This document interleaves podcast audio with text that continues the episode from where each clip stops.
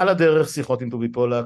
אמ, האורח שלי היום הוא שוב פרופסור אבי שגיא, הפילוסוף אה, מאוניברסיטת בר אילן, אורח שנהיה ממש ממש קבוע אצלי וגם אה, אה, אחד כזה שהמאזינים מצפים לו. אז קודם כל שלום אבי, מה שלומך בימים אלה? אנחנו, יש לנו טקס קבוע שאנחנו אומרים במצב האישי בסדר, אבל היום כבר אין מצב אישי. כן. אנחנו כן. עד צוואר מעורבים במצב הפוליטי-חברתי. נאמר, נכון. נאמר מזמן שהאישי הוא הפוליטי ובימים אלה על אחת כמה כן. וכמה וכמה. אמ, אני, רוצה, אני רוצה שנדון היום על, על נושא שהוא מאוד מאוד כאוב ובמידה רבה גם כואב לחלק גדול מהאנשים, כואב פיזית, כואב, כואב בעצמות אה, ולא רק אה, הרגליים שאני מרגיש עוד מהטיפוס לירושלים בשבת אה, שאתה יודע, עשינו כל מיני דברים שונים ושונים בחיינו, לא חשבתי שאני אעשה משהו כזה, בטח לא מאז שצעדת שלושת הימים או ארבעת הימים או עלייה לירושלים בילדותנו עברה מן העולם.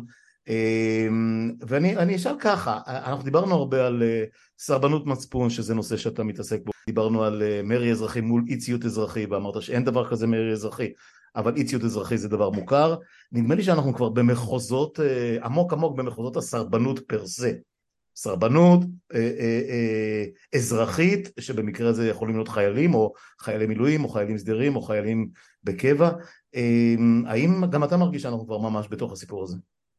קודם כל, שוב אדייק אותך. אנחנו עמוק בתוך ההקשר של אי ציות אזרחי. אי ציות אזרחי משתמש מטבע הדברים באי ציות, בהפרת חוק. מה שאתה מדבר עליו זה שאנחנו עמוק, ואני יודע את זה, עמוק, בתוך אי ציות לזימון, לזימון של צה"ל לשירות מילואים, ולהערכתי זה גם נמצא כבר ברחבה במרק... במגרש של הסדיר מהסיבה מאוד פשוטה. אזרחי מדינת ישראל הם החיילים והחיילים הם האזרחים.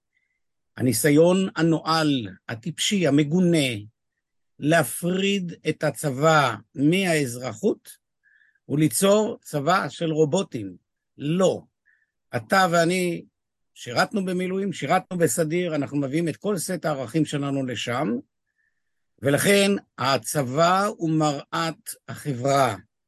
ואם בחברה, אני לא רוצה להשתמש בביטוי חצי על חצי, כי אני לא, לא יודע מספרים. אזרחי מדינת ישראל סבורים שמדינת ישראל מעלה באחריות שלה, חרגה מסמכותה, עד כדי כך שהיא נעשית לבלתי חוקית, אחד המקומות שבהם זה יבוא לידי ביטוי בצה"ל, כי צה"ל הוא מרחב של הפעלת כוח. בצה"ל לא משחקים שש-בש. בצה"ל הורגים. כשאנחנו מניחים בדרך כלל שההריגה היא לגיטימית כי נעשית מטעמים של הגנה עצמית. אבל כשהמשטר נעשה בלתי לגיטימי, יש עם זה בעיה. הצבא איננו צבא של ממשלת ישראל. כבר הזכרנו שראש הממשלה שלנו הוא אחד מהוגי הדורות הגדולים במאות הבאות. הוא אומר, הצבא צריך לציית לממשלה, לא, הצבא צריך לציית למדינה. המד... הממשלה אמורה לנהל את המדינה, אבל כשהממשלה חורגת מסמכותה, פוגעת בתשתית המשטר, מבצעת הפיכה משטרית ללא שמץ של היסוס, הנתונים המצטברים הם נתונים ברורים של הפיכה משטרית לסוג של דיקטטורה בעלת גוון פשיסטי. ואני מצטער שאני אומר את זה, אבל אני מדבר הפעם כהיסטוריון של הרעיונות. הפשיזם התחיל כשיטת משטר שבה כל יחיד שזור בצורה אורגנית באומה, והממשל מבטא את האומה. אז כשחייל או מועמד לשירות מילואים או לשירות סדיר, צריך לשקול האם הוא רוצה לשרת תחת ממשלה שכזאת, התשובה היא יש לו בעיה. כן, אני, אני רוצה, אני רוצה רק שנעצור לשנייה אחת ונציג את עצמנו ואת הפודקאסט ומיד נעבור לתשובות הנרחבות יותר כי גם, כי גם יש לי כמה דברים להוסיף או לפחות להביא את הצד שלי לתוך העניין הזה.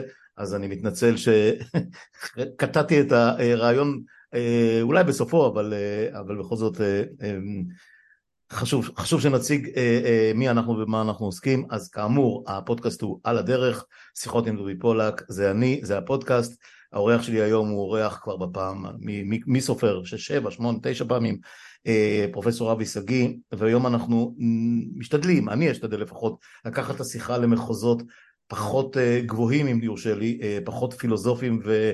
אה, היסטוריים או, או חובקי עולם ויותר אה, לרמת הביץ והבייץ של חיינו אה, כי אנחנו, אה, אנחנו עמוק בתוך הסיפור הזה. אה, ו, ו, ולדעתי עוד הערב או, או בכל רגע נתון יכול לבוא עוד איזה בום שאנחנו לא רואים כרגע אבל אנחנו כן יודעים פחות או יותר מה, מה עלול לקרות ושוב נמצא את עצמנו ברחובות ושוב יעמדו מולנו אה, הפרשים והמכתזיות והבואשים ו, ו, ושאר מרעין בישין ויהיו כאלה מאיתנו שלא יחזרו הביתה, לא בשלום ולא בכלל. אה, זה יגיע, אה, לי אין ספק בכלל שזה יגיע.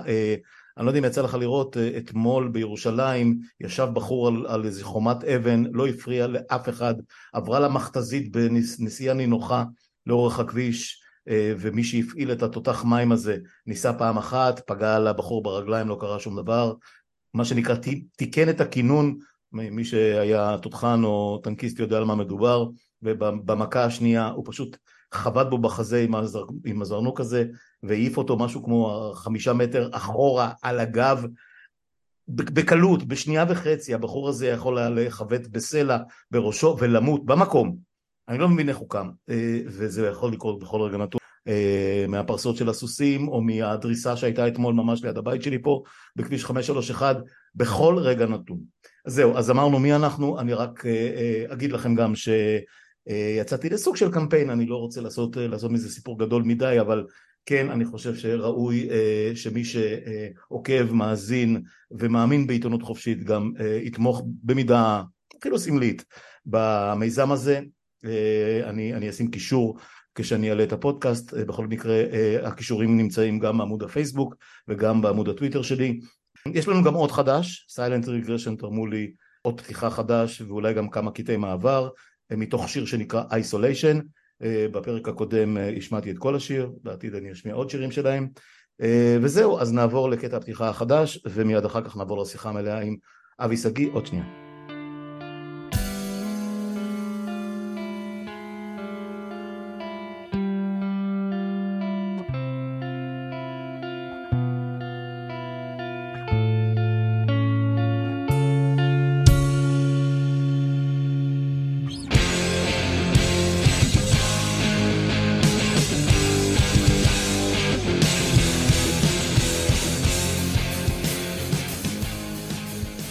כאמור, אבי שגיא איתי, ואנחנו, אני לפחות תחת הרושם של היממה האחרונה שהייתה מאוד מאוד קשה.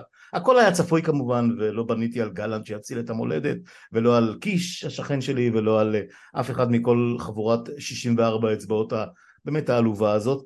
אה, אבל אני חושב שאנחנו נמצאים בפאזה אחרת מבחינת ההתנגדות. וראינו את זה גם בירושלים וגם אתמול בלילה בקפלן ובאיילון ובעוד הרבה מאוד מוקדים ברחבי הארץ. אה, ואני לפחות ברמה שהיא לא מדעית, כן, שהיא לא פילוסופית מדעית אה, אקדמית, אה, חושב שאנחנו נמצאים עמוק מאוד בתוך סוג של מלחמת אזרחים, אתמול גם בלילה נשלף נשק וירה באוויר באיפשהו בדרום, בקיפוץ חצרים נדמה לי, ואני לא רוצה לחשוב מה הולך להיות אם באמת למשל תפוטר היועצת המשפטית לממשלה או פרקליט המדינה או אה, אה, כמובן אם נגיע למשבר חוקתי שבג"ץ יכריע את מה שיכריע והממשלה תגיד כמו שעכשיו ראיתי הצעה אה, של אנשים בממשלה או בקואליציה אז הם, אז, אז הם יחליטו ואנחנו נתעלם שזה משבר חוקתי פר אקסלנס. אז, אז אתה התחלת בזה שאנחנו עמוק בתוך אי הציות האזרחי אבל שוב יש פה דרגות. בוא תנסה קצת לעשות לי סדר במדרג של הדברים. תראה אי ציות אזרחי ברמה הנמוכה שלו נועד לעצור, לאותת. אז בדרך כלל אתה מפר חוק מסוים, כמו אה, חופש התנועה. אני מזכיר שהפנתרים השחורים, כשביצעו אי ציות אזרחי, אז לקחו את בקבוקי החלב שהיו מחלקים וחילקו אותם לאחרים. זאת אומרת, מעין גניבה לטובת משהו אחר. כאן מראש זה אי ציות אחר, אי ציות אזרחי אחר, כי השאלה עומדת היא הלגיטימיות של המשטר. ולכן זה נחת בחצר הקדמית של חיינו בתוך צה"ל. ואני מבקש כאן לקבוע בצורה הכי נחרצת, האנשים שאומרים תוציאו את צה"ל מהתמונה, מבקשים להוציא את האדם מעצמו ולבנות אותו כאדם אחר. אי אפשר להוציא את צה"ל מהתמונה כשהזרוע הצבאית היא זרוע של המדינה המנוהלת על ידי משטר מסוכן, היום גם לא כפוף לחוק הסבירות. יש פה חזרה פחות או יותר למאה ה-17, אתה לא כל כך רוצה היסטוריה, לנאום הידוע של המלך ג'יימס הראשון, שהכתר איננו כפוף לפרקליטים. בלשוננו של אנו, המדינה איננה כפופה יותר לשום שיקולים של סבירות, צדק, הגינות, היא מכוננת את חייה. אתה ואני נמשיך להיות כפופים לעקרונות הללו, גם אם הממשלה תודיע שאנחנו פטורים מפני שאנחנו אזרחים שרוצים בחברה אזרחית, הם החליטו שהם לא. כעת אני שואל אותך, כאיש מילואים לשעבר, הזכרת את השריונאי, אני הייתי נחל מוצנח, שלא הספקתי לצנוח, כי תוך כדי המלחמה עברתי הסבה לשריון, ואני שואל אותך, האם אני יכול לישון בלילה בשקט, לו הייתי היום במלחמת יום כיפור, והייתי יודע שאת המדינה הזאת מנהלים אנשים שלא פועלים בסבירות, שאין להם שום שיקול שאני יכול לבקר אותו? התשובה היא לא. ואז המקום המרכזי, אחד המקומות המרכזיים שבו צריכה ליפול התופעה הזאת של אי ציות אזרחי, זה צה"ל. מי שמבקש להפריד את צה"ל לא מבין על מה הוא מדבר. עכשיו, אתה מיד תצעק לי, רגע, אבל מה, אזרחי מדינת ישראל לא, כפופ, לא, לא זכאים להגנה עצמית? התשובה היא כן, הם זכאים. צה"ל, לפני שהוא זרוע של הממשלה והמדינה, הוא בעצם הזרוע של האזרחים שהם הריבונים. לו היה קם הרמטכ"ל הרצי הלוי, והיה מצהיר קבל עם ועולם, כמו שראש המוסד עשה, רבותיי, אני נאמן לחוקיות, לא רק לחוק. היינו לאותן תשתיות יסודיות של צדק, הגינות, שיקול דעת, כבוד האדם וכל כיוצא בזה, וכפוף להוראות בית המשפט, הייתי ממליץ לחבריי, תלמידיי, שמבקשים את דעתי, צאו ושרתו את צה"ל במגבלות הללו. והמגבלות הללו הן מאוד מאוד רציניות. היום צה"ל לא מתפקד כך. כשצה"ל ליווה את המתנחלים בחומש, הוא עשה מעשה בלתי חוקי. הוא נענה לפעמיים בלתי חוקי. קודם כל הוא נענה לדרישה של שר ביטחון שהוא אזרח, הופרה, הופרו האמנות הנוגעות לענייני כיבוש שטחים, שרק הצבא הוא הריבון, והוא ליווה אנשים שהם מפירי חוק לא כדי להשיג תכלית חוקתית כמו באי ציות אזרחי, אלא כדי להשיג יעד תיאולוגי דתי. אני רוצה לספר לך בשורה מדהימה, ואני עכשיו מחליף כובע לאדם שהתורה היא, היא נשמת אפו מילדותו. רבים השומעים ודאי מכירים את, את עבודותיי בתחום ההלכתי דווקא. אין שום חובה הלכתית שיהודי שרוצה לקיים את מצוות יישוב הארץ, ייכנס דווקא מול הפרצוף של הפלסטינאים. הוא יכול לקיים את זה בתל אביב, בסביון, ברמת השרון וגם בעירי הקדושה פתח תקווה. מה שמניע את הקבוצה הזאת זה מטאפיזיקה תיאולוגית. זאת אומרת, הם יודעים מה אלוהים רוצה, הם יודעים את האמת, אין להם בכלל אמת מידה ריאלית. הם איבדו את בוחן המציאות מזמן. יש קשר ישיר בין האדון סמוטריץ', המשיחי לאדון סמוטריץ', שמבין בכלכלה פחות ממה שאני מבין בכלכלה, ואני לא מבין גדול. אדון סמוטריץ' שמצב, טוען שמצבנו איתן כלכלי, שכל הכסף זורם החוצה, וכל חברות הדירוגי האשראי מרימים קול, אבל הוא יודע יותר טוב מכולם. אתה יודע מדוע יותר טוב מכולם? יש לו אוזן ישירה, הוא שומע ישר את האלוהים מדבר ממנו. כן. עכשיו, הצבא כל, כל לא... כל הסטיקרים לא... האלה, אבא, אבא, אה, אתה יודע מה, אתה מכיר את הסטיקרים על המכוניות. כן, אני אומר, הצבא לא ער לעניין הזה. לא פעם אמרתי לעמיתיי בצבא, מבלי לנקוב שמות, לא יכול להיות שלצה"ל יש תוכנית להילחם מול איראן, יש תוכנית מול מצרים, יש תוכנית להגן על מדינת ישראל. אין לו שום תוכנית סדורה להתמודד עם הרגע שבו אמון האזרחים פקע. אדון הרצי הלוי, שהוא רמטכ"ל, יש לו סמכות מקצועית העליונה בצבא, סמכות לא יותר מאשר שלך ושלי בענייני אזרחות. הוא לא יכול לומר מילה אם זה מוצדק או לא מוצדק. מפני שמי שיקבע אם זו פעולה מוצדקת או לא מוצדקת כאשר מתחוללת הפיכה שלטונית, זה האזרחים. זה הטייסים, זה לוחמי החי"ר, זה אנשים שבשירות פעיל, סדיר או קבע, כי צה"ל הוא צבא של העם הריאלי, זאת אומרת, זה האזרחים ותכליתו הגנה על אזרחים. לכן הדרמה תתחולל בראש ובראשונה בתוך הצבא. היא כבר מתחוללת. היא כבר מתחוללת. היא כבר מתחוללת. אני, אבל... רוצה, אני רוצה אבל שנייה אחת, אני רוצה שנייה אחת, אמרת הרצי הלוי וזה מנקר בי, אז אני, אני אכנס פה באמצע ואני, אה, ואני אציג לך משהו שקרה אתמול, אתה בטח יודע, אבל רק בשביל, בשביל הקונטקסט.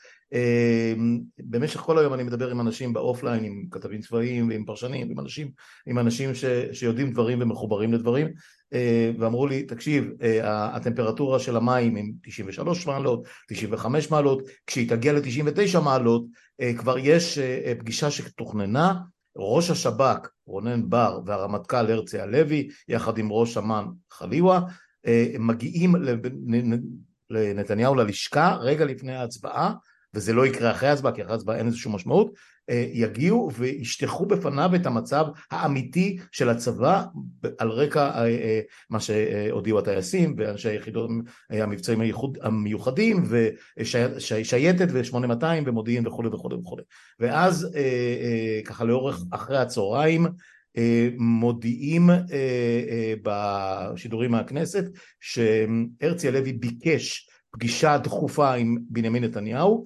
והוא סורב.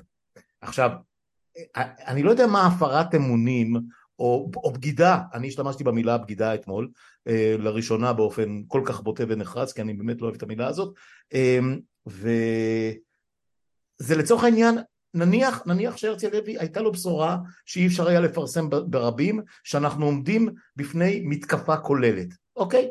וראש הממשלה אומר לו לא, לא עכשיו אני עסוק עם בן גביר ועם, אה, ועם אה, ברדוגו כי יש לי כמה דברים פוליטיים לסדר וסמוטריץ' לוחץ עליי ויריב לוין מאיים עליי. איפה נשמע כדבר הזה?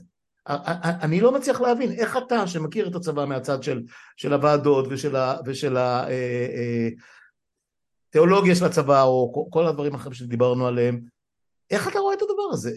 איזה מין יחסי גומלית נוצרו פה? אף אחד לא סופר אף אחד. התשובה היא מאוד מאוד ברורה. אה, אני נשאלתי לא פעם, האם כשניסחנו את מסמך רוח צה"ל צפינו מציאות כזאת? ואני עניתי בכנות, מה פתאום? היה ברור לנו שקציני צבא, אני אז השגרתי את המינוח בשיחה פנימית בינינו, הם סיביל סרבנט. האחד הוא civil servant במשרד החוץ או משרד הפנים, והאחד הוא civil servant של מדינת ישראל בתוך הצבא. מה שקרה כאן זה, אה, אתה, אני לא רוצה להשתמש במילה בגידה. אני רוצה להשתמש במילה מתונה וקשה יותר. ביבי נהג בדיוק כמו שדיקטטורים נהגו. אני לא אכנס כאן להיסטוריה צבאית. דיקטטורים דחו את המידע הרלוונטי למציאות הריאלית, שהיא לטובת האזרחים, בשם אינטרסים פוליטיים שלהם.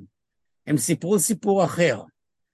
אגב, אינני בטוח שזה לא יעמוד לו לרועץ לאדון ביבי בבית המשפט אם הוא לא יפורק.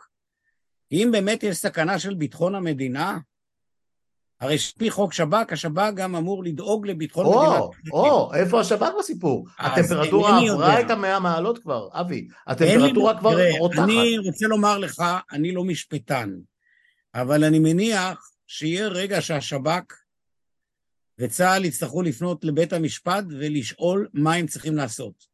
במצב שבו המשטר לא לגיטימי, ובעיניי הוא קרוב מאוד לשם, אם לא כבר בתוכו.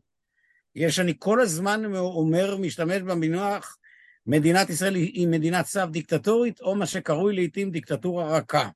זאת אומרת, בתחום חירויות פרט, חלקם לא ייפגעו, לא יבואו אליך באמצע הלילה, בינתיים, לשלוף אותך מהמיטה. דווקא לא... בפתח תקווה עירך אה, באו באמצע ארוחת ערב ושלפו מישהו, סתם כן, ככה. כן, כן, תכף נדבר על, על המשטרה. על איזשהו מידע אה, מעופל. תכף, תכף נדבר על המשטרה. אבל אני כן. אומר באופן כללי, המדינה תמשיך להיראות בחזות ממראית עין של מדינה חיה ותוססת, אבל מעמד האז... האזרחים הפכו להיות נתינים. מותר לשלטונות בתפיסה דיקטטורית להשתמש בך ובי. כאשר הם מחוקקים את החוק על פטור מהחרדים, המשמעות שלה שהילדים שלך ושלי והנכדים שלנו ישרתו, יקריבו את חייהם, כי חייהם שווים פחות. ניתן לסחור בחיי החיילים. באיזה מדינה דמוקרטית ליברלית זה אפשרי, כאשר ערך חיי האדם זה הערך הכי עליון במדינה הדמוקרטית הליברלית? התשובה היא במדינה דיקטטורית, שבה אתה נתין בחסד השלטון. תבין שהעיקרון הדיקטטורי הזה חודר לתוך מהפכת התקשורת של קרעי, חודר לרטוריקה, לרטוריקה של אנשי השלטון. חנה ארנדט במאמר זנוח שלה עמדה על הקשר שבין הבנה לבין שכל ישר, וטענה שאחד המאפיינים דיקטטורות הוא מעתק מלוג... משכל ישר ללוגיקה.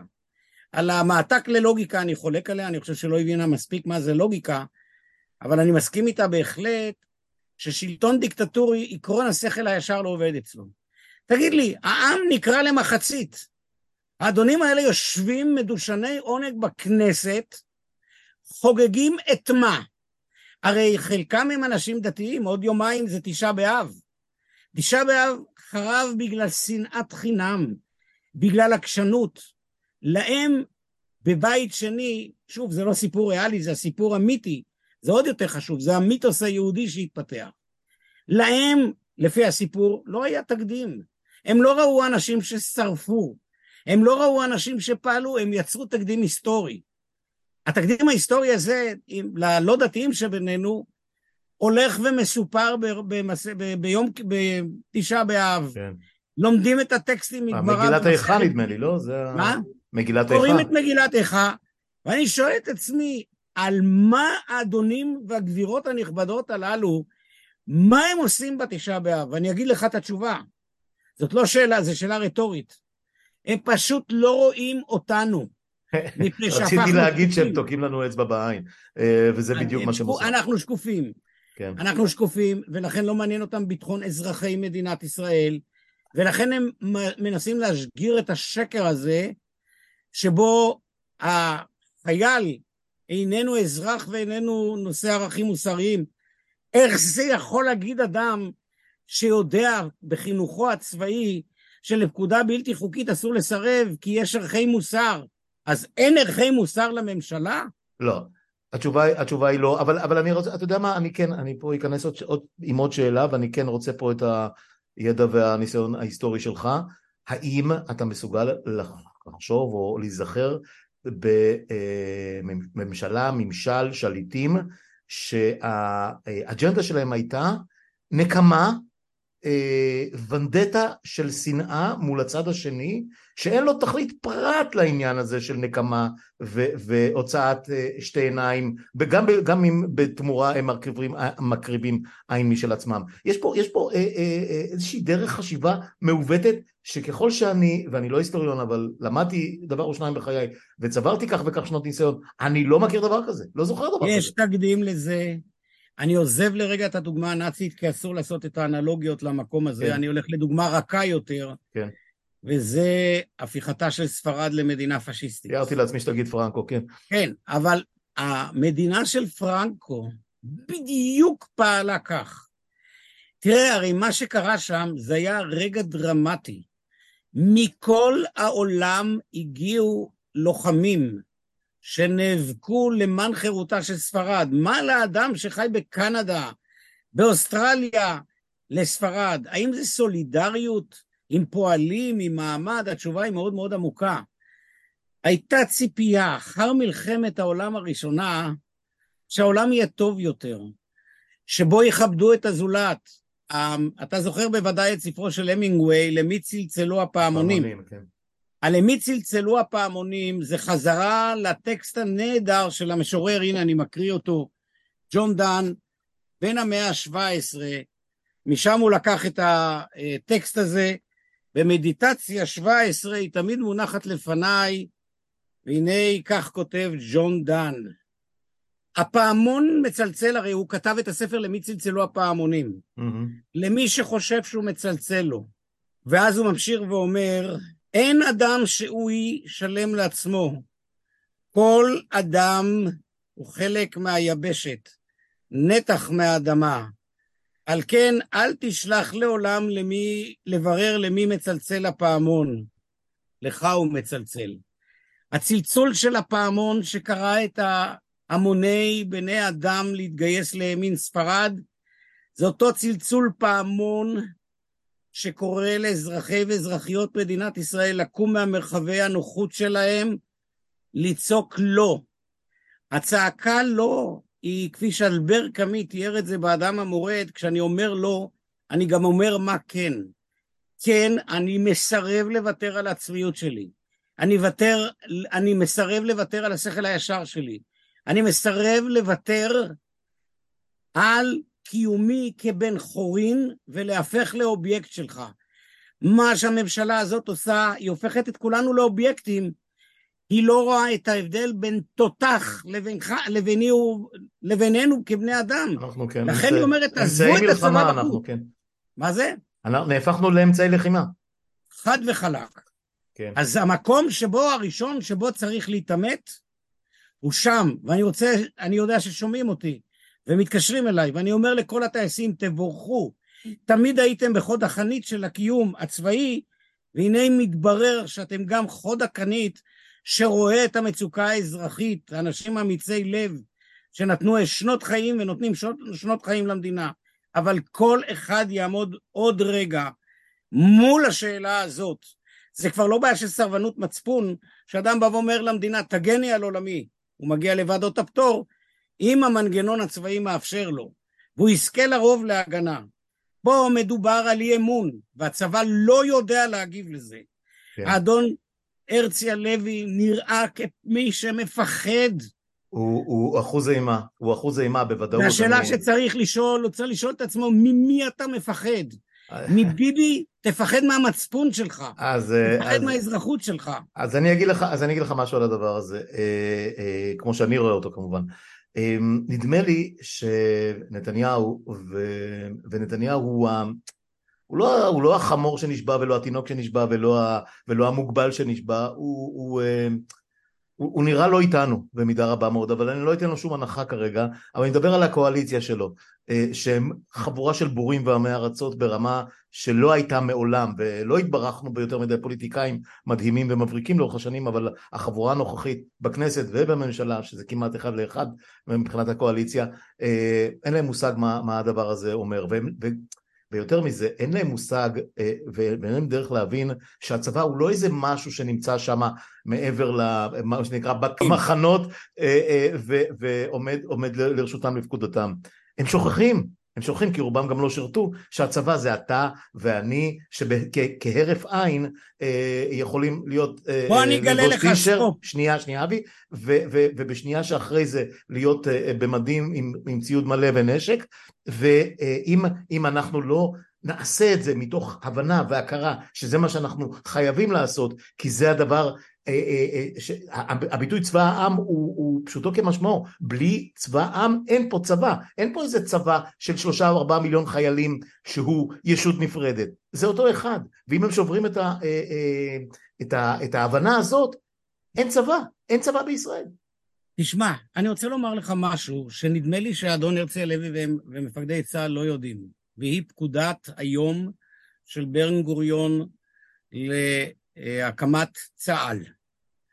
והוא כותב שם בין היתר את המשפטים הבאים: מגילת החירות, הוא עדיין קורא לטקסט מגילת החירות, תהיה לעיניים, תכף אני אסביר את הביטוי הזה, לכל צבאות ישראל. הצבאות ישראל ברבים זה מפני שהפלמ"ח עוד לא פורק. Mm-hmm. וכך אומרת המגילה. ואז הוא מדבר, מדגים, מצטט את שמירת הזכויות ואת המחויבות למגילת האו"ם, הוא עוד פעם חוזר עליה. על אותה מגילה שמגינים בה זכויות אדם. עכשיו, המושג תהיה לנו לעיניים הוא נפלא. בן גוריון ידע תנ"ך. יתרו פוגש את משה, ומשה אוהב את יתרו, והוא מבקש ממנו, תבוא איתנו ותהיה לנו לעיניים, תנחה אותנו. עכשיו שים לב, המושג עיניים במקרא, עיני העדה זה השופטים. זה ממש, זה, את זה אני מספר לך מה בן גוריון ידע, לא מה אני יודע. זאת אומרת, מה שהוא מבקש מיתרו, אתה תשפוט אותנו. וחז"ל באמת אומרים, לפחות תשב איתנו בדין. זאת אומרת שמגילת החירות מקבלת תפקיד שיפוטי. הצבא כפוף למגילת העצמאות. זו הודעה, תמיד יש ויכוח במדינת ישראל מה הסטטוס של מגילת העצמאות, דקלורטיבי או קונסטיטוטיבי. לגבי צה"ל אין ויכוח. פקודת היום של הקמת מדינת, של הקמת צה"ל שלא בוטלה, היא כפיפותו של צה"ל למגילת העצמאות. כפיפות למגילת העצמאות לא עונה בקנה אחד עם הודעת הרמטכ"ל, שהוא מציית להוראות הממשלה בעידן שבו הממשלה מוותרת על מגילת העצמאות. אני עוד לא יודע מה עוד אני יכול להגיד לרמטכ"ל הזה. אז אני, אז אני, אז אני, הנה, אני, אני יושב פה בטלפון שלי, שולח כל מיני הודעות. ואני רואה שתי, שתי ידיעות, אחת של ynet, בצה"ל מודיעים רשמית, החלה הפגיעה בכשירות הצבא. לטייסים יש משמעות וזה וזה וזה וזה. ותוך כדי זה מיד עוד אה, אה, פוש נוסף של כאן, של אה, ערוץ, ערוץ אחד, הרמטכ"ל בפנייה חריגה למינוימניקים שהחליטו לא לבוא. צה"ל צריך אתכם. עכשיו, הוא צריך את, את, את, את, את, המילואימניקים ואת המתנדבים, אני מסכים איתו, הוא, הוא חייב אותם, זה לא שהוא צריך אותם, בלעדיו אין לו צבא. אבל מה הוא עשה בשביל לשמור אותם? וזה מטריף את הדעת. הוא אפילו לא הצליח להיפגש עם ראש הממשלה. אני אגיד לך מה הוא לא עשה. תראה, במדינת ישראל יש לקונה בכל התחום החינוכי. אנחנו, פירות הבאושים של היעדר מושרשות אזרחית אתה רואה עכשיו. כשיושבים לך חברי כנסת, ואתה שואל את עצמך איזה ציון היית נותן להם בקורס מבוא למחשבה מדינית. אני לא רוצה לנקוב בשמות, אבל איש מהם כמעט לא היה עובר. הטעויות שלהם משקפות שבעומק הבלתי מודע שלהם הם פשיסטים. העם אמר את דברו, הרוב בחר, זה לא ארגומנטציה שבכלל עולה בפול... במחשבה פוליטית שעוסקת בעקרונות הדמוקרטיה, היא עונה על שאלה מי נהל את הבסטה בינתיים, אבל לא שיש לה זכות לפגוע בערכי היסוד של דמוקרטיה. אותו דבר קורה בצה"ל. ההכשרה היחידה שיש למפקדי צה"ל זה אותו מסמך ידוע של רוח צה"ל, שאומנם חבריי ואני כתבנו ספר הדרכה לו, אבל הוא מונח בקרן זווית ואני כל הזמן מתרגז, למה לא לומדים את זה? מעבר לזה, העובדה שאדם הוא אלוף או רב אלוף בצה"ל, לא מקנה לו כשירות מבצעית להבין את יסודות הדמוקרטיה. אני מבין את המצוקה שלו. הרצי הלוי רוצה שהצבא ימלא את תפקידו בהגנה על אזרחי מדינת ישראל, והוא צודק. אזרחי מדינת ישראל לא תלויים בממשלתם הקלוקלת. אתה ואני זקוקים וראויים להגנה. אבל הוא אבל... הגשר, אבל הוא הגשר בין החיילים. רגע, אבל זאת הנקודה הקריטית. זהו. איך אתה עושה את זה? בדיוק. אם אתה עושה את זה באמצעות הצהרה כמו ראש המוסד, שלעולם אינך מפר את החוקיות ואת החוק, תראה, החוק של השב"כ הוא ברור. בדיוק. מתי השב"כ יפעל? להערכתי, לא לפני שתהיה פסיקה ברורה של בג"ץ? הוא לא יפעל. שהשלטון, אני לא יודע, אני לא נביא. אני, אני, your guess is good as mine, אבל אני אומר לך שאני לא רואה את האומץ. יכול להיות שאתה צודק, ואני מקווה שלא נגיע לרגע הזה. כן. אני רק אומר שהסצנריו האפשרי שהוא יפעל, אם יפעל בכלל, זה רק אחרי פסיקת בג"ץ. עכשיו, מה שיקרה בשלב הקרוב, עוד שתי דקות וחצי הם גם יפרקו את הבג"ץ. בוודאי. בית המשפט פה יהיה דומה לבית המשפט ברוסיה הסובייטית ורוסיה של ימינו, או בצפון קוריאה. וטורקיה. כן. ברגע שהמשפט כפוף לפוליטיקה, המשפט, המדינה מעל המשפט, הלך על המשפט. לכן, התפקיד של הרמטכ"ל הוא כאן קריטי, ואני קורא לו בפעם המיליון, תיקח את האחריות. אז הנה, אז הנה, אז תקשיב, אני, אני קורא את הידיעה שפורסמה בהארץ עכשיו. בצה"ל סבורים שמימוש מחאת אנשי המילואים תפגע בכשירות במלחמה בתוך שבועות, זה לא, כבר לא בלונגרן. בשיחה שערך עם נתניהו הציג הרמטכ"ל את המשמעויות של רבבות של משרתים שצפויים להיעדר וכולי וכולי וכולי. בצבא הנחו את המפקדים לפעול באופן פרטני כלפי המשרתים שסרבו להתנדב ושוקלים לדבר גם עם אנשי הקבע מחשש שיבחרו לפרוש. עכשיו, רבאק, אני לא יודע באיזה מילים להשתמש. אתה הולך לדבר עם המילואימניקים כאשר, כאשר, אתה כבר היית בפגישה עם נתניהו במקום לתפוס אותו בדשו כמו שהוא אוהב ולנער אותו עד שהוא יגיד אני מבין את הבעיה? מה זה, הוא, הוא פקיד? הוא מעביר דפים מצד לצד של השולחן? מה זה הדבר הזה? אני קראתי את הטקסט הזה וזה נראה לי כמו שהפכו את הרמטכ"ל לשנורר. לבלר, לבלר, מעביר פתקים. כן, ברור לגמרי שאין חשיבה אסטרטגית בצבא. אני משוחח לא מעט עם אנשי צבא בדימוס, בגלל תפקידי שאני מכיר אותם, בכירים מאוד, לא אנקוב בשמות, ופעם אחרי פעם אני שומע את העובדה שהפיקוד הבכיר של צה"ל נקלע בהלם, הוא בהלם באייף, ב-A הוא באלף. גם, גם אני אומר, אני כאן, ברשותך, אומר עוד פעם לאדון רמטכ"ל, אתה צודק באחריות המוטלת עליך, אבל זה הרגע שבו אתה תודיע למי אתה מחויב, לאזרחי מדינת ישראל או לממשלה. אם לאזרחי ממשלה, לאזרחי המדינה, אתה צריך להצהיר שאתה תכבד את עקרונות החוקיות, תהיה הוראתה של המדינה אשר תהיה, ובמקרים של קונפליקט בין הוראת הממשלה לבין החוקיות, תפנה לבית המשפט. כן, אבל בינתיים הוא לא נשאר עם חיילים, זאת תשמע... הוא לא יישאר גם עם חיילים, כי נכון, הוא נמנע מפעולה. אז השאלה מה עומד, השאלה איזה, חוץ מאשר העקרונות שאתה מדבר עליהם כרגע, איזה כלים יש לו בארסנל? להתפטר, אני יודע, אבל חוץ מזה? אני לא, תשמע, אני, לשמחתי אני לא... אל תיתן עצה, אני שואל מה בכלל עומד שוטר. אני לדעתי האישית, כן. צריך לכנס את פורום מטכ"ל, צריך לזמן את טובי המוחות, אני נותן לו עצה. שמחתם על ארבעה-חמישה אנשים שניסחו את רוח צה"ל. שמלווים את הצבא, כולל אני, באהבה ובנאמנות עשרות שנים. הפקדתי מותי ואת חבריי בתור ועדות הפטור מטעמי המצפון. לא הגיע הרגע שתכנסו כמה שעות עם טובי המוחות שעוסקים במחשבה פוליטית. חברנו מני מאוטנר, בדיוק היום יצא ספרו הנהדר למות בשביל מדינה, שמתמודד עם השאלה הזאת. שהוא איש בכיר מאוד מבחינה משפטית. לא היה ראוי שתאספו אותו, אותי, את האדונים הנכבדים והגבירות האחרות שעוסקים בתחום, כדי להתכבד ביחד. יש להם טעות, קוראים לזה בשפה הסוציולוגית של בורדיה העתקת הון סימבולית. הם חושבים שבגלל שיש להם סמכות צבאית, הסמכות הזאת גוררת את המסקנה שיש להם ידע פוליטי. אין להם ידע פוליטי. ומי שיתקע את, שיתקע את ראשו לתוך הקיר, ייתקל בכוח נגדי. אגב, כבר ספינוזה ניסח את זה בצורה הכי בוטה, במאמר תיאולוגי מדיני. כוח מזמין כוח נגדי.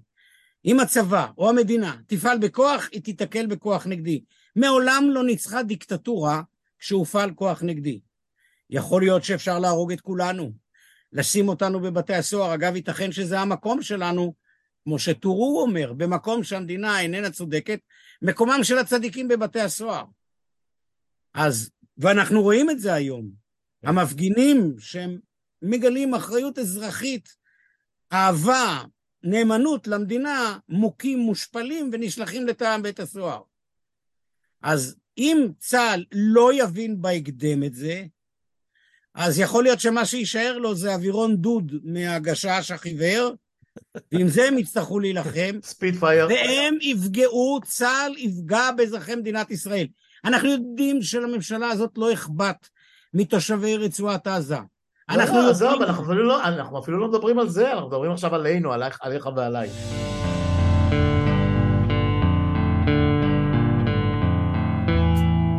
דיברנו הרבה עכשיו על הצבא, וזה באמת בחוד החנית, אה, ואנחנו רואים גם שזה הדבר שהכי מטריד כרגע אה, לפחות את אלה שמודאגים, אבל אני רוצה להיות, אה, לשתף אותך בדאגה נוספת שלי, שמשותפת להרבה מאוד אנשים שאני בקשר איתם, וזה לא דבר נולד שלא נולד היום, אלא באמת מלווה אותנו לדעתי כל שנות כהונתו, בוודאי בעשור האחרון, חמש, שש שנים האחרונות של נתניהו, אה, מתי, מתי מגיע הרגע שבו המנהיג, אה, המנהיג העליון, ראש הממשלה, ראש השרים, לא משנה באיזה תואר ניתן לו כרגע, מתי מגיע הרגע שהוא בעליל, בעליל פועל נגד האינטרסים של המדינה שעליה הוא מופקד, אה, שהוא לא מקבל שום דבר בשיקול דעת, שהוא פועל נגד החוק, למשל עושה פעולות מבצעיות ואפילו מלחמתיות בלי לכנס את הקבינט כנדרש בחוק, כאשר הוא לא פוגש את ראשי הארגונים, את הצבא כמו שראינו ואחרים בזמן אמת ומנפנף אותם או שהוא לא כשיר בריאותית כמו שראינו גם בשבוע האחרון, בשבת האחרונה פתאום שמענו על דברים ש... אתה יודע, כולנו יכולנו לשער שזה המצב, אבל הנה שמענו את זה ממש מתוך, מתוך בית החולים עצמו, או אפילו מצב נפשי. כי גם זה בהחלט משהו שקרה ועלול לקרות, זה אנושי לגמרי. אז יש, איזה, איזה כלים יש לנו כמדינה, כאזרחים, לסמוך עליהם למקרה מהסוג הזה? איך נדע ומי, ומי אמון על העניין? אוקיי, יש, השאלה שלך מתפצלת לשתיים, לשאלה משפטית ושאלה חברתית-פוליטית. ברמה המשפטית, ישבו המשפטנים, אני מאוד מאוד סומך על היועצת המשפטית שלנו, שהיא בוודאי מגינה בקו החזית הכי קדמי. אני מקווה שעד שנשדר את השיחה הזאת תהיה עדיין בתפקידה. יכול להיות, אני לא יודע, גם את זה אי אפשר לא, לדעת. גם אני לא. תראה, אי אפשר לדעת מה ילד יום, ואני רוצה כן לומר לך משהו על חוויותיהם של אזרחים רבים וביניהם אני. בעיניי ראש הממשלה ושריו, עליהם נאמר בדברי הנביא חבר סוררים, שעוד בעוד יומיים אנחנו נקרא את הטקסטים הללו. חבר מושחתים. השבת שעברה בהפג... בהפטרה של פרשת השבוע קראנו את חזון ישעיהו הנביא, המדבר על עושקים ורמאים, על אנשים שלא מעניין אותם כלום. גם אלה מביניהם שהם בעלי כוונות טובות, הכוונות הטובות שלהם זה לא כלפיי וכלפיך, אלא כלפי אידאה תיאולוגית. אנחנו נמצאים היום בקרב איתנים, בין, אתה הזכרת את זה בהתחלה, בין קיומה של מדינת ישראל לא כמדינת הלכה. הלוואי ומישהו היה חושב על, בפרמטרים הלכתיים, מפני שההלכה היא רציונלית, היא פתוחה, היא שקולה. לא נדבר על זה כאן, כי זה לא נושא הפודקאסט. מדובר במדינה תיאולוגית שבה ראשי השלטון מחוברים ישירות לאלוהים, או שהם עצמם אלוהים. אתה שואלת אותי מה אני ואתה יכולים לעשות? התשובה היא לעשות בדיוק את מה שאנחנו עושים, ואני מקווה, אני לא בטוח שזה יקרה, אני מקווה שלא נגיע למלחמה אמיתית. אני לא יכול להיות בטוח. ההיסטוריה של העם היהודית מלמדת שלעיתים היו מלחמות. שוב, אנחנו עומדים ערב תשעה באב, רבי יוחנן בן זכאי, לפי האגדה, זה לא סיפור אמיתי, אבל זאת אגדה, מוברח מירושלים ומבקש מהקיסר את יבנה ואת חכמיה, והציל את העם היהודי מפני שהוא בחר להתמקד בנורמות, באתיקה, ולא במקומות קדושים. אני אינני יודע, אנחנו, אין לנו את האופציה של יוחנן בן זכאי. כאן המקום שלי, שלך, זה הבית שלנו ולא שייך לאף אחד אחר. אז מה אנחנו יכולים לעשות בפועל? אז התשובה היא, אנחנו נמשיך להיאבק. ואם המאבק יסלים, זה לא... אבל דיברתי על משהו ספציפי, סליחה, עכשיו שנייה, אני, אני 아, אתה שואל אותי מה אפשר לעשות? אני שואל מה אנחנו עושים, רואים שבן, שהבן אדם או מאושפז עם בעיות לב, היא מאוד מאוד או, פשוטה. או נראה שהוא התקפי חרדה על ימין לא, והשמאל. הוא פחות מטריד אותי הוא מאשר כל ממשלתו. אבל אם הוא נופל גם הממשלה נופלת, זה החוק. אם הוא נופל הממשלה לא נופלת. לא, לא, עזוב עכשיו את הפרוצדורה, הוא בלעדיו בלעדיו, אין, אין לא אף אחד נכון. אחר שיעמוד. התשובה היא יריב בן אהרון יעמוד שם. יריב לוין. יריב לוין, חס וחלילה, לא יריב בן אהרון, חברי זיכרונו לברכה, חס וחלילה, סליחה. זה הבן של יצחק בן אהרון, נכון? הבן, אחד מהאינטלקטואלים כן, העמוקים, כן. חבר אישי קרוב שלי. כן, יריב לוין. אני לא, עזוב, אני מדבר איתך עכשיו, אני מדבר איתך עכשיו ספציפית, על בן אדם שהוא מיתי, אוקיי? 30 שנה, 35 שנה בחייהם. הוא לא מיתוס ולא בטור. אני מדבר איתך מבחינת מצביעיו ומבחינת המעמד שלו. אני לא יודע גם מבחינת מצביעיו, תשמע. אין ברירה אלא להסלים את המאבק. להסלים את המאבק זה להשלים שביתות. להסלים את המאבק... עם ההסתדרות שלא מוכנה לנקוף את עזוב את ההסתדרות. אני אומר לך שוב, אנחנו לא... כל הזמן אנחנו מחפשים, מחפשים משיח. לא, אנחנו מחפשים את הכלים שיש לנו, שתמיד היו לנו. הכלים שיש לנו... הם אינם. תשמע, מי שלקח את הפיקוד האזרחי זה אותם אנשים מבוגרים בוגרי המלחמה, מלחמת יום כיפור, כן, אחים לנשק. צעירים וצעירות, כן. להשבית, להפריע. לשמחתנו בישראל, חלק גדול מבעלי העסקים הם איתנו, לא כמו שבהונגריה או בפולין, הם פועלים כפטריוטים. זה נכון בערבון מוגבל מאוד, אתה יודע, רמי לוי מצד אחד נגד ו... ו... אז רמי לוי, יפה מאוד, אז שרמי לוי, יפ... אני, אני לא תשמע, בזירי פרחחים של דלני, אמרתי לך, כתוב שם, הפוחד מכישלון, אל ירד מספיק. לא, לא, אני לא נגד, אני רק שואל. אנחנו, אני מנסה אנחנו- להבין פרוצדורלית, חוקתית. אין פרוצדורלית. אז זה כל העניין, טובי, זה כל טובי, העניין. אין פרוצדורות. יש אימפיצ'מנט בארצות הברית, נכון? יש, יש מוסד כזה, שיש שם, תהליך שלם של הדחה על כל מיני רקעים, על רקע התשוב- אישי, על רקע אתה- פלילי, על אוקיי. רקע אה, קוגניטיבי, אצלנו אין כלום. אין לנו, כי במדינת ישראל אין חוקה, כי במדינת ישראל אפשר לקרוא לכל חוק חוק יסוד, הרי ביטול עילת הסבירות הופך כן, להיות פתאום כן, חוק יסוד. כן, גם כי הנבצרות... במדינת הם ישראל אין הפרדה בין הרשות הממשלתית לבין המחוקקים. כי מדינת ישראל, כמו מדינת ישראל, היא דמוקרטיה צולעת. אתה אומר לי, דמוקרטיה- אתה אומר לי במילים, במילים של החבר'ה פה אצלי שהם, שהם אה, לא פילוסופים ברמות שאתה, ש, בסביבות שאתה מסתובב, אה, אה, מה שנקרא in so many words we are fucked, אבל, אבל, אבל אני, לא, אני לא אחייב אותך בזה, אז אני אשאל אותך עכשיו ברמה הכן חוקית, אה, לא חוקתית, פרוצדורלית, אה, למשל אה, מי מוסמך להכריז על, חוץ מאשר באמת הוא מאבד ההכרה כמו שרון, אבל במצב נניח של קוגניציה בעייתית, או של, אה, או של אה, אה, שיפוט אבל לקוי של אתה שואל המציאות. אותי שאלות משפטיות. לא, לא, אני, אני שואל עניינית, אה, לא, אני- באיזה, תראה, באיזה טובי, נסיבות? מתי יבוא מישהו ל, ל, לאדון ראש הממשלה או לממשלה ויגיד, עד כאן האיש הזה לא יכול אז- לתפקד? אז בואו נב, בוא נבחין בין שני מישורים. במישור המשפטי אני לא אגיב אף פעם, כי אני אף פעם לא מדבר טוב, בתחום... אולי של- אתה יודע, לא, לא כמשפטן. לא, אין אולי, אני יודע. יש אנשי משפט מובהקים שהם יודעים לומר לך את טוב, הרגעים. אתה מאלץ אותי לקבוע פגישה נוספת עם מני, אין לי ברירה. נו. אה, מני, או אם אתה רוצה עם חברי דוד קורצווייל, כל כן. מי שהוא משפטן טוב, מכיר את זה טוב ממני. זה ההבדל ביני לבין חברי הכנסת. הם יודעים על דמוקרטיה, והם יודעים על חוק, כן, והם יודעים על המציאות. כן. ויכול להוציא לך אדון מיקי זוהר הודעה אחרי שהם הצליחו. עכשיו ילמדו כולם כמה מהשקרים שהכילו אותם קודם. זאת כן. אומרת, אני יודע לדבר על מעמדנו האזרחים. אנחנו האזרחים, וזה מסר שהוא מאוד חשוב, נידונים למע... לעמוד בלב המערכה הזאת עם, ואני רוצה לקרוא, לומר לך את המשפט של ארנס בלוך, עם תקווה עטויה בצעיף של אבן. מי שמקווה שיתחולל מהפכה והמשיח יבוא, אז כבר בתלמוד נאמר, אין משיח לישראל, או כמו השיר המפורסם, מה לא יבוא. שעושה פרפרזה, משיח לא בא וגם לא יבוא, או כמו שברנר אמר, ובחזון השמט שלו, אין משיח לישראל, הבה נגביר חילים בעצמנו. אין, אין לנו ברירה אלא לעמוד במקומות הללו, להיאבק כשהקיר, כשהתהום הוא מאחורינו, וזה טוב, כי אדם נאבק יותר כשהוא יודע שמאחוריו הוא התהום. כן. לא לשאול שאלות. אני לא חושב שהזמן הזה הוא עת לתיאוריה. הזמן הזה הוא עת לפעולה. לא, לא, ואני- השיחה הזאת היא מעשית לגמרי, בגלל זה אמרתי לך מראש. בוא, כן, בוא, לא, נרד, אני- בוא נרד ממגדל אז השם. התשובה, אני אומר לך מה התשובה למעשה. כן.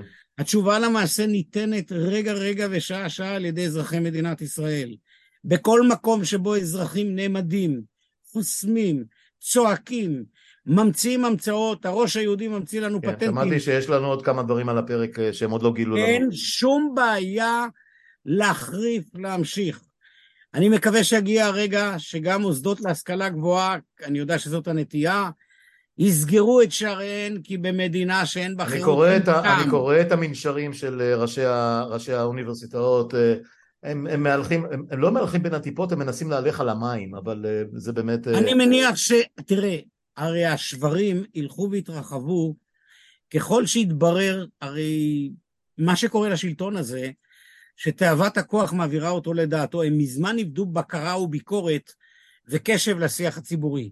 הם משוכנעים שאלוהים בחר אותם לשלטון. כן. אם האדון בן גביר יכול לראות לנוכח ההתעללות של שוטרים, כפי שאנחנו רואים אותם, ההפעלת כוח, ואני לא בא בטענות לשוטרים, הם עומדים במצבי מצוקה. אה, יש כמה שוטרים שמתנהגים כמו אחרוני, הפושעים. תשמע, אני רוצה לומר לך משהו. בתפילת שחרית של יהודים, מתפלל, יש פסוק שאומר כך, אל תביאני לא לידי ניסיון ולא לידי ביזיון. זה המקצוע שלהם, אני לא, עזוב. עזוב, אני לא רוצה להיכנס אליהם. לא, אז אני כן רוצה לדבר איתך על המשטרה. תכף, תכף נגיע אוקיי, למשטרה, יש אוקיי, לי זה באמת הערות. יהיה הפרק המסיים. כן, אבל ההערה הראשונה שלי, האדון בן גביר אומר המדיניות מתחילה להתחלחל, ואני מזה מתחלחל, מפני שמדובר בעבריין עם תעודות וקבלות. הסתה לרצח, זאת הסתה לרצח, מה פירוש תסלח לי. המדיניות הזאת מתחילה? שמה? בדיוק, בדיוק. אגב, אמר את זה עמי אשד, אותו ניצב שפרש. כן. אמר, אמר את זה. הם רוצים שנביא לאיכילוב כל הפגנה שימלא את חדר המיון. נכון. עכשיו אני יכול לומר לך משהו כן. על המשטרה. כן.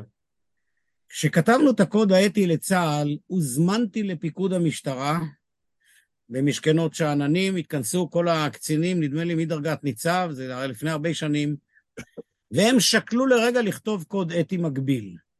אני הסברתי להם מה פירושו של דבר של קוד אתי, איך צריך להיות מוסבר, איך צריך לתפעל אותו. הבוז שקיבלתי אז, זה לא אומר לי כלום. מהפיקוד הבכיר היה בעברית פשוטה מה שקוראים תתחפף. יאללה יאללה, מה שנקרא. אבל- כן. עכשיו תראה, כשאין חינוך לאזרחות בתוך המשטרה, מה אתה מצפה מהשוטר? אני לא מצפה, אני מצפה עמוק. שתהיה מערכת שתגן עליי מפני השוטר. אני התשובה מצפה ש- היא, שיהיה בית משפט מערכת- ומח"ש, ש- שיהיו איזשהו מגן אחרון. כי מה אני שאני לא- רואה אני כרגע, לא- אין לנו הגנה מפני האלימות אז הזאת. התשובה היא כששוטר עושה את מה שהוא עושה. האזרחים צריכים לצלם, לתעד. אגב, שוטרים חייבים ללכת עם השמות כאן. אז יש כאלה שמסתירים את זה. אז אם הם. מסתירים, אז התמונה נמצאת, ובזמננו אין דבר שלא ניתן לאיתור. הפחד הגדול של בריונים ועבריינים זה מהנראות שלהם. הם פועלים אני חושב שהם במחשכים. איבדו את הבושה ואת הפחד. נדמה לי. שעברנו את השלב הזה. כתבתי. נכון, עדיין, אני... אני זוכר את המאמר שלך על הבושה, כן. כן, כן, כן, אני עדיין חושב שיש כוח עצום לתיעוד. הוא צריך להיות מתועד גם לעוד חמש-שש שנים, כי יום אחד, כמו. בדרום אפריקה, נצטרך לבוא חשבון עם כל האנשים חד הללו. משמעית. ילדה, אה, בחורה, אה, ששוקלת לדעתי אה, רבע מכל אחד מאיתנו, עמדה על, על הכביש בצומת רעננה לפני ארבעה-חמישה ימים. הגיעו, הגיעו שוטרים שיכולים אה, להרים 100 קילו משקולות או יותר, או יותר ב, ב, ב, ב, עם, עם, עם הקטנה, הטיחו אותה ברצפה, שברו לה את האגן. היא הפגינה שם, היא לא הפעילה אלימות, היא לא התנגדה לשום דבר. אתמול באיילון, לפחות שתיים או שלושה או ארבעה ילדים מתחת לגיל 18 חטפו מכות רצח, הרי בוודאי שהם לא איימו ולא התנגדו בכוח זה- לשוטרים. אין אותו אחד, שנייה, אותו אחד בירושלים שחטף את הזרנוק ויכול היה להיהרג כהרף עין. אה, אותו טייס שחטף, אה, אה, אודי ניר. שחטף את הזרנוק וכמעט איבד עין. אה, אה, האנשים שחוטפים אה, אה, בעיטות, בכלל הקטע הזה עם הסוסים הוא בכלל משהו ש... אני לא מבין איך במאה ה-21 שהדבר- משתמשים בבהמה הענקית, וה... היא היא בהמה בסופו של דבר, למרות שסוסים הם חיות אצילות, הרי, הרי בשנייה אחת הוא יכול להרוג בן אדם. ושלא לדבר על הפרשים שמצמידים עם אין שוט. דרך מה, אחרת. מה, להבין. מה עושים עם זה? התשובה היא קודם כל לתעד. אוקיי, תיעדנו. הייתי... תיעדנו להפיץ. יהיה שכן ושכנים של אותו אדם. יהיה מי שיגיע אליו ויתבייש בשבילו. תהיה, יש לו זה אימא. יעזור לב- לבן אדם שימות בכביש? לא, זה לא יעזור לבן אדם שימות בכביש, אבל כשהשוטרים יחוו את העובדה שרואים אותם, הם חווים אי נראות. תזכור, הם רואים אותך ואותי כלא יותר מאשר מחסומים בכביש, בכביש שצריך לסלק. כשהם יחוו את העובדה שהם נראים, הם יתנהגו אחרת לגמרי. אין לי ספק שהדבר הטוב ביותר היום, אם אתה שואל אותי, שבתי הכלא יתמלאו במפגינים. שהם ייסתמו שמה. שבאמת מדינת ישראל תחווה את הרגע שטובי בנותיה ובניה נמצאים תחת סוגר, כי כך עלה הרצון מלפני השליט, והוא לקח משטרה שתפקידה להגן על האזרחים, לפגוע באזרחים. ואחר כך נערער בשאלה איך הגענו למצב הזה. לי יש תשובות איך הגענו למצב הזה, שהן השערות מאוד מאוד סבירות. אני מניח שמה שהפעלנו בכיבוש, מה שפעל פעם אחת בכיבוש, פעל גם פה. והחינוך שלא חינכנו את כל מי ש... כל, כל שנמצא בצד השני הוא חוזר אלינו כבום. בדיוק. כל מי שרואה במקום אחד בני אדם כשקופים, יראה את זה גם אני, במקום אחר. אגב, לא רק בכיבוש, ערבים ישראלים ואתיופים. ו- וחרדים במידה רבה מאוד. אה, גם חרדים. הרואים את החילונים וחילונים הרואים את החרדים. לא, לא, אני מדבר על ההפגנות של החרדים שהם מעיפים אותם עם זרנוקים. אה, כן. כן. אין אני- לי ספק שאנחנו במסע סיזיפי ארוך. כן. אם מישהו מצפה כאן, ג'ון רולס כותב באחד המקומות ב-Theory of, Theory of Justice, תיאוריה של הצדק, יש נושאים שהפתרון להם, שאלות, הוא לא בתיאוריה אלא בחיי המעשה. אז בחיי המעשה ניסינו דיאלוג, חיינו בתרבות של דיאלוג, טובה יותר, טובה פחות וכשלנו. עכשיו שלב העימות. אנחנו יודעים איך נכנסנו לשלב העימות, אנחנו לא יודעים איך נצא ממנו. ברור לי דבר אחד, שכל עוד נשמת אפם של האזרחים בתוכם, והם יביאו את הרוח הטובה והנפלאה של הפטריוטיות הישראלית, תגיד, כמה פעמים אתה השווצת בדגל? אני לא מי- אבל אה, זה רק אני, זה- זה- זה הנכות הקטנה אני, שלי. אני, אני זוכר את עצמי כמה זה הפריע לי. לא, לא, זה היום- עדיין מפריע לי, אבל אבל אני עוד לא זמן לקנות. משנה, אבל תשמע, כשאתה יוצא ואתה פועל פעמיים בודק עם הדגל במכונית, כשתזדקק לו, זה משהו. אז אני אומר שוב, אני אומר, אני. שומר את זה לאשתי, אבל, אבל, אה, אבל אה, אה, אמרת משהו עכשיו שזה באמת יהיה אקורד סיום מצוין לשיחה הזאת, כי, כי הוא אה, הסתובב אצלי בטוויטר, בפיד ובכל השיחות של השבוע האחרון, בוודאי ביממה האחרונה, וזה החזיר אותנו ל... לחמישה בנובמבר, לעשרה בנובמבר 1995, או, או, ל, או לדצמבר, ינואר 95-96, מעגלי השיח, צו פיוס, ההכלה, ה- הפיוס הגדול, אה, אה, אחים אנחנו. עכשיו, אני אגיד לך מה דעתי, אני אה, אש- אש- אשאיר לך את אקורד הסיום, אה, אה, שתגיד לי מה דעתך. לדעתי, אנחנו לא אחים, אנחנו אפילו לא בני דודים, אנחנו אפילו לא קרובים רחוקים, אה, וגם אם כן, אני רוצה לעשות, אה, מבחינתי, נקרא קריאה, נקראה קריאה, מבחינתי הם לא קיימים יותר, כמו אותם, כמו אותם בנים סוררים שמתפקרים בחברות החרדיות. אני קורע קריאה, ככל שאני לא מאמין בדבר המטופש הזה. אה, אה, אני לא רוצה לשמוע מהם יותר, אני לא רוצה לשמוע את אבישע בן חיים, אני לא רוצה לשמוע את כל אלה של ערוץ 14. מבחינתי, אני מוכן להפרדה עכשיו, תקרא לזה איך שאתה רוצה. קנטוניזציה, אה, יהודה ודן, דן וישראל ויהודה, whatever, אני לא רואה איך אנחנו יכולים לחיות עם האנשים האלה דקה אחת נוספת ב- ב- באותה דירה. מה דעתך? תראה, אני מבין את החוויה הזאת לעומק. אה, יש לי יתרון אחד על פניך, רוב ימי חיי הבוגרים חייתי בין חרדים, למרות שמעולם לא הייתי לא חרדי. מעניין אותי חרדים. לא, לא, לא, הזמן אני מספר לחרדים, את לא זה. לא, לא, לא, אני לא מספר את זה כדי להיכנס לעימות חרדים ולא חרדים. כן. מה שלמדתי בחיי, אני כותב על זה, אני מוכר בעולם כאחד המומחים הגדולים לתיאוריה של זהויות. בני אדם יש להם יותר מפרצוף אחד. תסכים איתי שאתה בבית, אה, הבנק וכל מה שהתפקיד שלנו כבני זוג וכהורים להיות, ובחוץ אנחנו מתנהגים אחרת. לא פעם ילדינו מזכירים לנו את העניין. אנחנו בני אדם שונים בסיטואציות שונות ועם אנשים שונים. יהיו בני אדם שאני מסכים איתך שלא נמחל להם ולא נסלח להם. לא נסלח לאדון לוין, לא נסלח לקרי, לא נסלח לביבי נתניהו. אבל יהיו בני אדם שכשלו, יש בני אדם שכשלו, שיצא בהם רכיב מסוים של האישיות. עכשיו זה לא יהיה דיבור של שיח.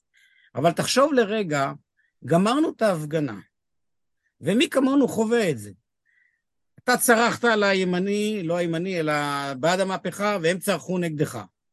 לא פעם ולא פעמיים, כעבור שעתיים, שלוש, יום, יומיים, תיפגשו בסופרמרקט. אתם תתנהגו בכבוד אישי.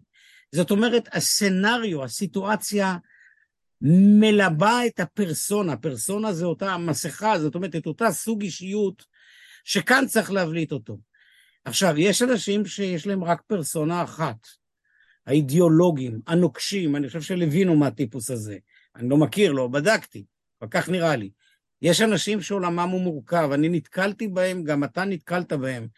חרדים שלא יצרפו אותי למניין, שצעקו אחריי ציוני, שבצאתי למלחמת יום כיפור צעקה אחריי זקנה, ואני אתרגם את זה לעברית, מפני שסיפרתי את זה פה, אתה הולך להרוג שיהרגו אותך. אבל כשחזרתי מהמלחמה, היא הייתה הראשונה שבאה אליי ואומרת לי, אוי אוי אוי אוי, עם כמה אתה מסכן. בני אדם הם שונים. אנחנו לא יכולים לייצר, לראות בני אדם כקופסאות סגורות וחתומות. אני מדבר על איך שהם רואים אותנו. אני לא יודע מי זה הם. אני יודע מי זה הם, אני יכול להביא לך שם אחרי שם אחרי שם. אז אני לא. רוצה, אני לא רוצה להיכנס לזה. אני מצוין, אומר- טובי, טובי, אבל זה מה שתעשה. תפריד בין שמות פרטיים לבין אם. תפריד בין מי שראית אותו, שפעל, שליבה, שפגע, שלעג, שלא גילה מעט אמפתיה לעמדת השני, לבין האם. מפני שהאם יכולים להיות השכנים שלך, החברים שלך, הבנים, הילדים. אני, אני מתעלם מהם. אני, אני אומר לך בהגינות, אז אני הגעתי אומר- למצב שכשאני מזהה, לאו דווקא בהפגנה, אני מדבר איתך במכולת כמו שאמרת, ובבנק כמו שאמרת, אסור יותר, לעשות אבל לא את חשוב. זה, מפני שאתה... אני לא הופך- יכול, אני לא יכול, לא אתה רוצה כן יכול, איתם. אני אגיד לך למה. תשמע, אתה מתאר את האדם כפי שמרקוזה כינה אותו האדם החד-ממדי. מכנס את כל הקיום האנושי אל לתכונה תגיד לי אחת. שיש להם עוד ממדים, אני לא אעמוד בזה. אני כן אגיד לך, מפני שאתה לא רואה את כוליות האדם. אתה רואה אותו במפגש שלו. תשמע, עברנו, עברנו גם אם לא, גם אם לא למדתי בבתי מדרש אה, ולא הייתי בישיבה ולא, ולא עשיתי קריירה אקדמית, נדמה לי שבסופו של דבר אתה ואני ובני דורנו עברנו פחות או יותר את אותם מסלולים, אם זה תנועת נוער X או Y או Z, אם זה, אם זה שירות צבאי כזה, אם זה לימודים אקדמיים כאלה וקריירה בעבודה והכל, אנחנו יודעים במי מדובר. אנחנו, בוא, אתה יודע, אני, אני, אני מבין את, ה, את הגישה שלך המכילה, הכוללנית. אני מדבר איתך על מצב שבו לא היינו, אנחנו לא היינו במצב הזה, לא היינו במצב הזה מעולם. אה, אני לא יודע איזה אחוזים מדובר באוכלוסייה ואם אפשר לתת בהם שמות, אבל יש פה מסה אדירה שהתכלית שלה היום. זה להשמיד את כל מה, ש... מה שעושה אותי, אני לא אותי עצמי. אני לא יודע, אני רק אומר לך כך. עם ישראל, בהקמת מדינת ישראל, נפגשו אנשים שקודם לכן הרגו איש את רעהו. האצ"ל, הלח"י, ההגנה. כן, כן, כן. והם, תוך זמן קצר, הוברטו יחדיו. אה, אה, בוא, אתה יודע, לא, לא, לא, לא, תפריד את בין הפוליטיקה... את הדברים האלה אנחנו עוד נוסעים כבר, אתה יודע, אין 70 לי, שנה. אין בעיה, אני מכיר את ההיסטוריה הזאת אני היטב. בטוח שאתה מכיר אותה יותר טוב ממני. הוברטו במובן הטכני של המילה, כן. שיכולת לעבור ולעמוד איתם ב... ב... בואו ננסח את זה בצורה... במלחמה. כשהקאפו היהודי הגיע לישראל אחרי מלחמת העולם השנייה, הוא נרדף. שלהבדיל אלף אלפי הבדלות, איש מהארגון השני לא נתפס כקאפו. זאת אומרת, מצבי מצוקה הם מוציאים מבני אדם לעתים את הרוע. אבל אין פה המשפט. מצוקה, אין פה מצוקה, הם לא היו במצוקה. עזוב אותי, ה- השנאה. שלה, השנאה שלה, אתה, אתה אנחנו לא טוען נשכנע כאן את זה- טענות... את זה עכשיו, אבל, אבל, אה, קובי, אתה טוען כאן טענות סוציולוגיות, שכדי לגבות אותן אנחנו צריכים לבצע מחקר עומק. אני לא הוא בטוח הוא שתמצא אותו. מתבצע as we speak, מה שנקרא במבחן המציאות היומיומי.